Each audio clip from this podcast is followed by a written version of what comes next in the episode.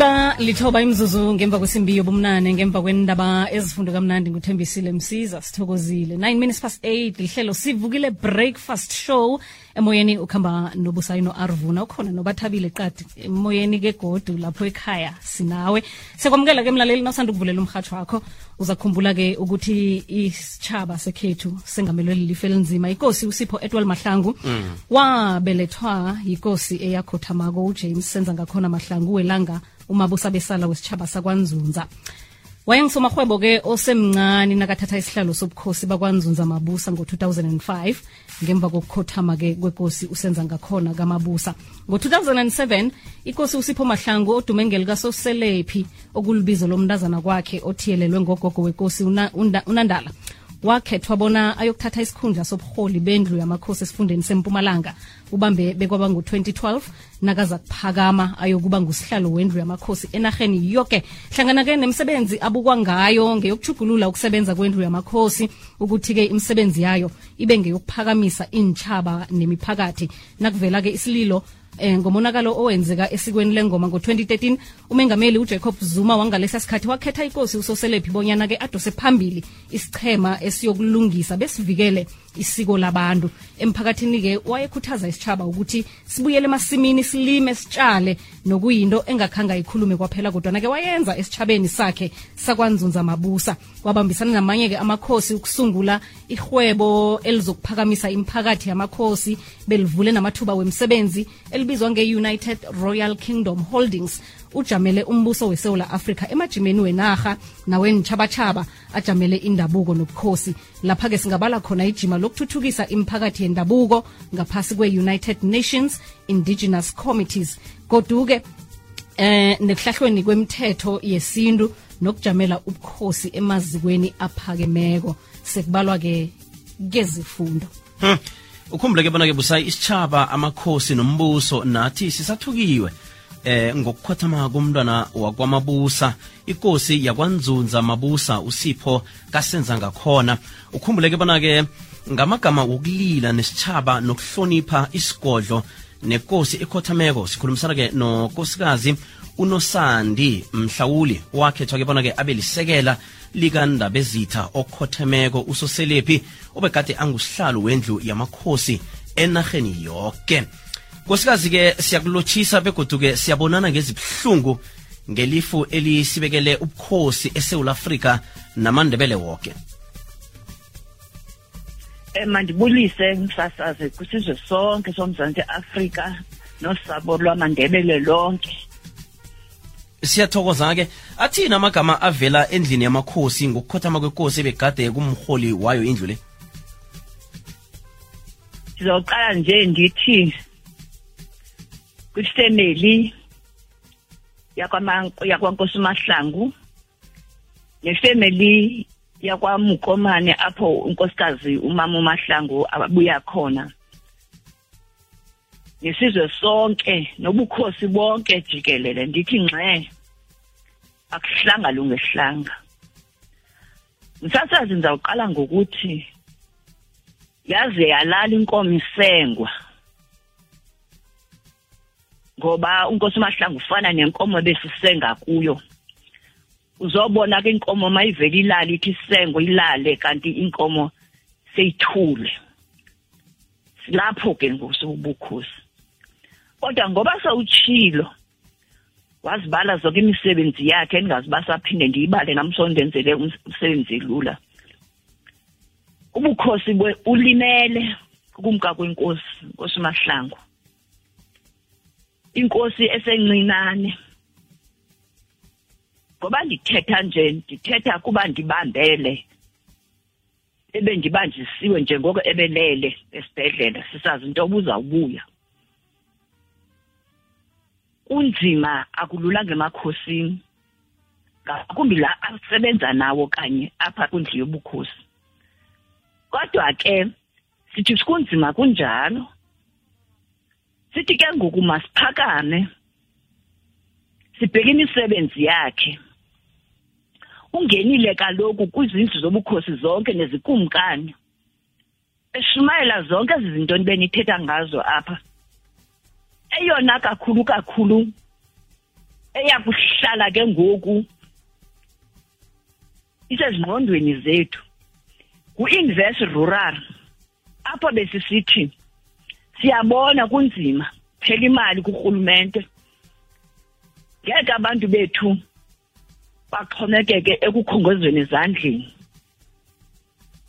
Sathi masizame kubekho into esiyenzayo. Senza iphulo salibhala phantsi lemibono yobukhosi ubana makubuye omsomashishini nosomabhizinesi basemakhaya baye emakhaya kwezaa ndawo kunzima ukuyiwa kuzo. Sayibizwa ngoba invest rural. Sayithatha sayinika umongameli sezandleni zikamongameli loo ncwadi inayo yonke loo nto uba siza kuya kwenziwa njanina okwethu ke ngoku kubana makudibane izandla kuncediswane sibone uba eli phupha liyakwenzeka. Ukuba ngaba siliphongcile elo phupha zinkosi zelizwe lakokwethu nabantu bomzantsi afrika bonke nabakwazi ukusincedisa sabe silahle eyona nto. Le biyinkosi echubekileyo ngokwengqondo ibinkosi enamaphupha. Ebengalali nalo aliphupha aphinde ayolala nalo. Iphupha xa liphuphile uzobuya azolilawula. Akhangele abantu bokumncedisa into yobana eli phupha malibe liyenzeka. Inkosi ebinembeko ngoba mna ndimdala kunayo bendibiza ngoba ndingumama. Mm. ngoba endihlonipha. Kodwa loo nto ibingenzi into yoba mna ndibone into yoba ingumntwana le kengoma ndingamhloniphi bendimhlonipha ngokwesikhundla sakhe. Eyinkosi ethanda izinto zobuntu. Uba sithetha ngobuntu athi kaloku ngoku funeka sibone into yokokubana ilizwe xa linje senza njani na? Ngoba kuyabonakala into yobana ubuntu abantu babulibele. Njengoba sibona into ezenzekayo. Ebengasoze sizwe sakho kwethu asuke eqongeni unkosi umahlangu mabenile ethetha. Ebengasoze asuke engathethanga ngokukhusela komama nabantwana esizweni. Mm. Ebe ebeyakutsho ayitsho futhi uyibona into yokobana kuthetha inkokheli. Ebehlonipha nezintsuku zethu zokuzalwa njengoba sihleli sonke njena sisebenza akhumbule ububani uyazalwa nditsho mna uqala koyena uphezulu yomezantsi koodrayiva bethu esisebenza nabo. Mm. asikhumbuze into yoba ubani uyazalwa futhi uzawuze phetha ikhekhe unkosi. Athi nali ikhekhe. Xa uthetha ngaye ke ngoku ungathetha ume kodwa into endiyazi into yokuba usebenze kakhulu kanye nezi zizwe zingaphandle aba sibiza ngoba zi-sadec houses. Mm. obobutswana nezinye nezinye bezisoloko zibakhona xa sinemicimbi yethu ngakumbi xa kufuna izivula izindlu zobukhosi wayenza ke ngoku loo nto leyo yalula nakuthi ngokweekomiti zethu bakakade thina sisebenza ngokweekomiti ezohlukeneyo. Ikomiti nganye ke ngoku usishiya ke ngoku nkosi mahlangu sizwe sakokwethu. Nomsebenzi ophaa kwikomiti ejongene namasiko nezithethe othi njengoba kubonakala uba kukho amasiko nezithethe abonakala into yobana acinezela oomama nabantwana isifunda ngasinye masihlale phantsi sijonge into yokokubana ngawaphi na la masiko kuba sikwazi uwakhomba sithi leli lineli leli bayazi uwakhomba abantu kodwa sithi makuhlalwe phantsi sacela le komiti ikhokelwa ngunkosi undiva uba idibane kunye namanye nezinye izifunda sikhangele kanye la masiko ku- abonakala ecinekezela oomama nabantwana. Kodwa siwajonge nalana ancedisa uphuhliso lwelizwe lethu kuba kaloku owona msebenzi wethu wendlu yenkosi kukukhusela amasiko nezithethe. Ke ngoku funeka le nto siqiniseke into yokokuba iyenzeka. Mm. Ma sithokoza ukuyizwa kuwe. Unomlayezo othini esitshabeni sonke samandebele nesewula Afrika abantu abalaleleko nje? Kubantu abaphulaphuleyo ndizaw- ndizawuthetha kule nto besesele ndiyitshilo ndathi masiphuthumeni ubuntu. Njengoko ebetshilo ndisitsho ndisithi unkosi mahlangu into yobuntu ebeyikhokele ngaphambili niyazazi ke into ezithetha ngobuntu ukuhlonipha omnye nomnye umntu Mm. kube buhlungu kakhulu ke ngokumka kanye unkosi ngeli xesha lale mbubhane sikuyo ye-covid Yeah. apho kushiyeke iintandane iinkedame emakhayeni abantwana bashiyeka bodwa abantu bekhokhelwa bobukhosi masisijonge namakhaya anjalo amanye amakhaya aza- avaliwe sibone uba la makhaya kuncediseka njengoba kalo ma evaliwe kuzohlala izihange kulezo zindlu zenza ukuthanda kwawo. Ndiphinde ndizotsho ke ndithi ka- kwa- kwasegameni lobukhosi sithi bethunani ngxeke uma kwiintsapho ezithe zashiywa zizihlobo kwizinto zonke ezenzekileyo emzantsi afrika ngeli xesha ukuquka i-covid nento ibisenzeka le nto into ibisenzeka ngokuxesha kusithi kuthethwa ngokutata ngokuba ngokukhululwa kwatata obesakuba ngumongameli utata um- ujacob zuma nakuni kaloku umzi wase- wase- wa- wasemzantsi afrika apha ekapa yini nabantakwethu na- nagayana natyatyazana ni- nithi sekutheni yintoni le nto ingathethwayo? Makuhlale phantsi kuthethwe. Ayikho into engathethwa ngezikhali. Ndiphinde nditsho ke ndithi masisebenziseni umhlaba. Lo ukhoyo kuthi senze into okokubana kutyiwe ngabantu ngoba kuyacaca into yobana saba nengxaki yoku- yokuphela kokutya. Kodwa ke ndizawuthi nali nesiko lolwaluko unkosi ebelikhokhela siyayaleza ke ngoku into yokokubana eli siko lolwaluko kunye zinkosi zomzantsi afrika zelizwe lakokwethu niliphathe ngolu hlobo unkosi mahlangu ebemane ecebisa ngayo. Siyayibona imingeni ekhona nakwiphondo lase-eastern cape. Qinani zinkosi apho. Siyayazi into yokubana anilalanga niyazama. Ninyuka loo maxethuka kunzima. Abantwana befihliwe kwiikona abafihliwe kuzo. Kodwa qinani iinkosi zomzantsi afrika neenkosi zonke osekela osihlalo nosekela mamaphondo sisithi niyayazi iphupha likankosi mahlangu. Niyalazi iphupha lenkosi. Niyalazi iphupha lenkosi into yobana sisalwa amadaba obuya komhlaba ubuyele ebantwini. Nezinye izinto besizilwela ke zobukhosi ezokunceda uba amakhosi asebenze.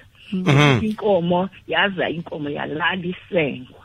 Iyazwakana eh m- njengoba ke sazi ukuthi ke ulisekela nje ngabe lokho kutsho ukuthi isikhundla sokusala nawe? Hayi kaloku akunjalo msasazi Mm. awuthi hayi hayi sendilapha ngoseyindini ayinjalo ihamba ngokomthetho. Kwazi benditshilo ngoba ndisithi kuthiwa mam unosandi khawubambe apha unkosi unzunza ngeli xesha esaphathekile uzawubuya umnike. Ndisabambe ngolo hlobo ke ngoku. Kuthiwa kwathiwa ke ngoku makingiba ke ndibambe kude kudlule umsebenzi. Njengoko ngolwesihlanu lo futhi into endimandingayikhohlwa ukubulela kurhulumente. Othe wenza into okokubana xa sibeka inkosi umsebenzi wakhe awubeke kwinqanaba eliphezulu elimfaneleyo ucategory one xa simbiza. Owenza ke into yobana a- a- abonakalisa into yoba uhlonithiwe. Siyabulela kurhulumente. Sithi ke emva kobana si- si- sigqithile kule kubambile sizawuba ne-memorial service ngolwesihlanu sizawubona sihlale siyindlu yenkosi sibone uba ke ngoku unzuza umkile kwenzeka njani? Futhi siqwalasele ke into yobana siyazi into yobana um sivilile sibubukhosi sivila kunye nekhaya lakho lakwanzunza kodwa kumsebenzi wona uzawuqhuba. Kodwa yonke loo nto izawuqwalasela xa sihleli siyindlu yenkosi jikelele. Sincediswa ngamaphondo. Sithokozile eh manosandi niqine nani? Ukuzwakele ukuthi uchiye eh, abadosi phambili ngemuva. Nakini siyatsho sithi ncancabe bonke ekade nisebenza naye. Siyabonga nathi ngokumane nisinika amathuba basithethe nabantu ngoba sikwazi ukuhlangana nabantu kule meko sisebenza kuyo sithi hayi masizohlangana sibe baninzi ngokumane nisincedisa nakwezinye izinto esifuna ukuzithetha ze nisixhase njengoba niqhele ukusixhasa nina ni- ni- ni- ni- media ningosondaba nisincedise siyabulela kakhulu. Mm, nathi siyathokoza. enkosi. Aha. Kazi-ke um umengameli utshileke ukuthi amaflarha akaphaphele lapha at half mast. Abakazowehlisa khulu kodwa nabe azaba lapha phakathi naphakathi. Um kuthoma namhlanje njengoba kuzin 21 nje kuyatsho ukuthi isitshaba soke sizilile. Bekube lapha ngolosihlanu ngen-23 july 2021 umoya khe ulale uphumule kade yeah. bazana naye yeah. siyamazi Hey, ubaba. uyidlalile indima. Nawona nokufunda nje Yo. ngo- ngomlando wakho uyazi ukuthi uyidlalile indima. Umuntu onobuntu kanganga nomutsha omuhle ngaphakathi nangaphandle. Ncancabe sitshaba suzane ngikhali zebhosa bathi ncancabe vele. Siyokuthatha ubhramakho ke nasibuya kusizwe zomnotho bona zijame njani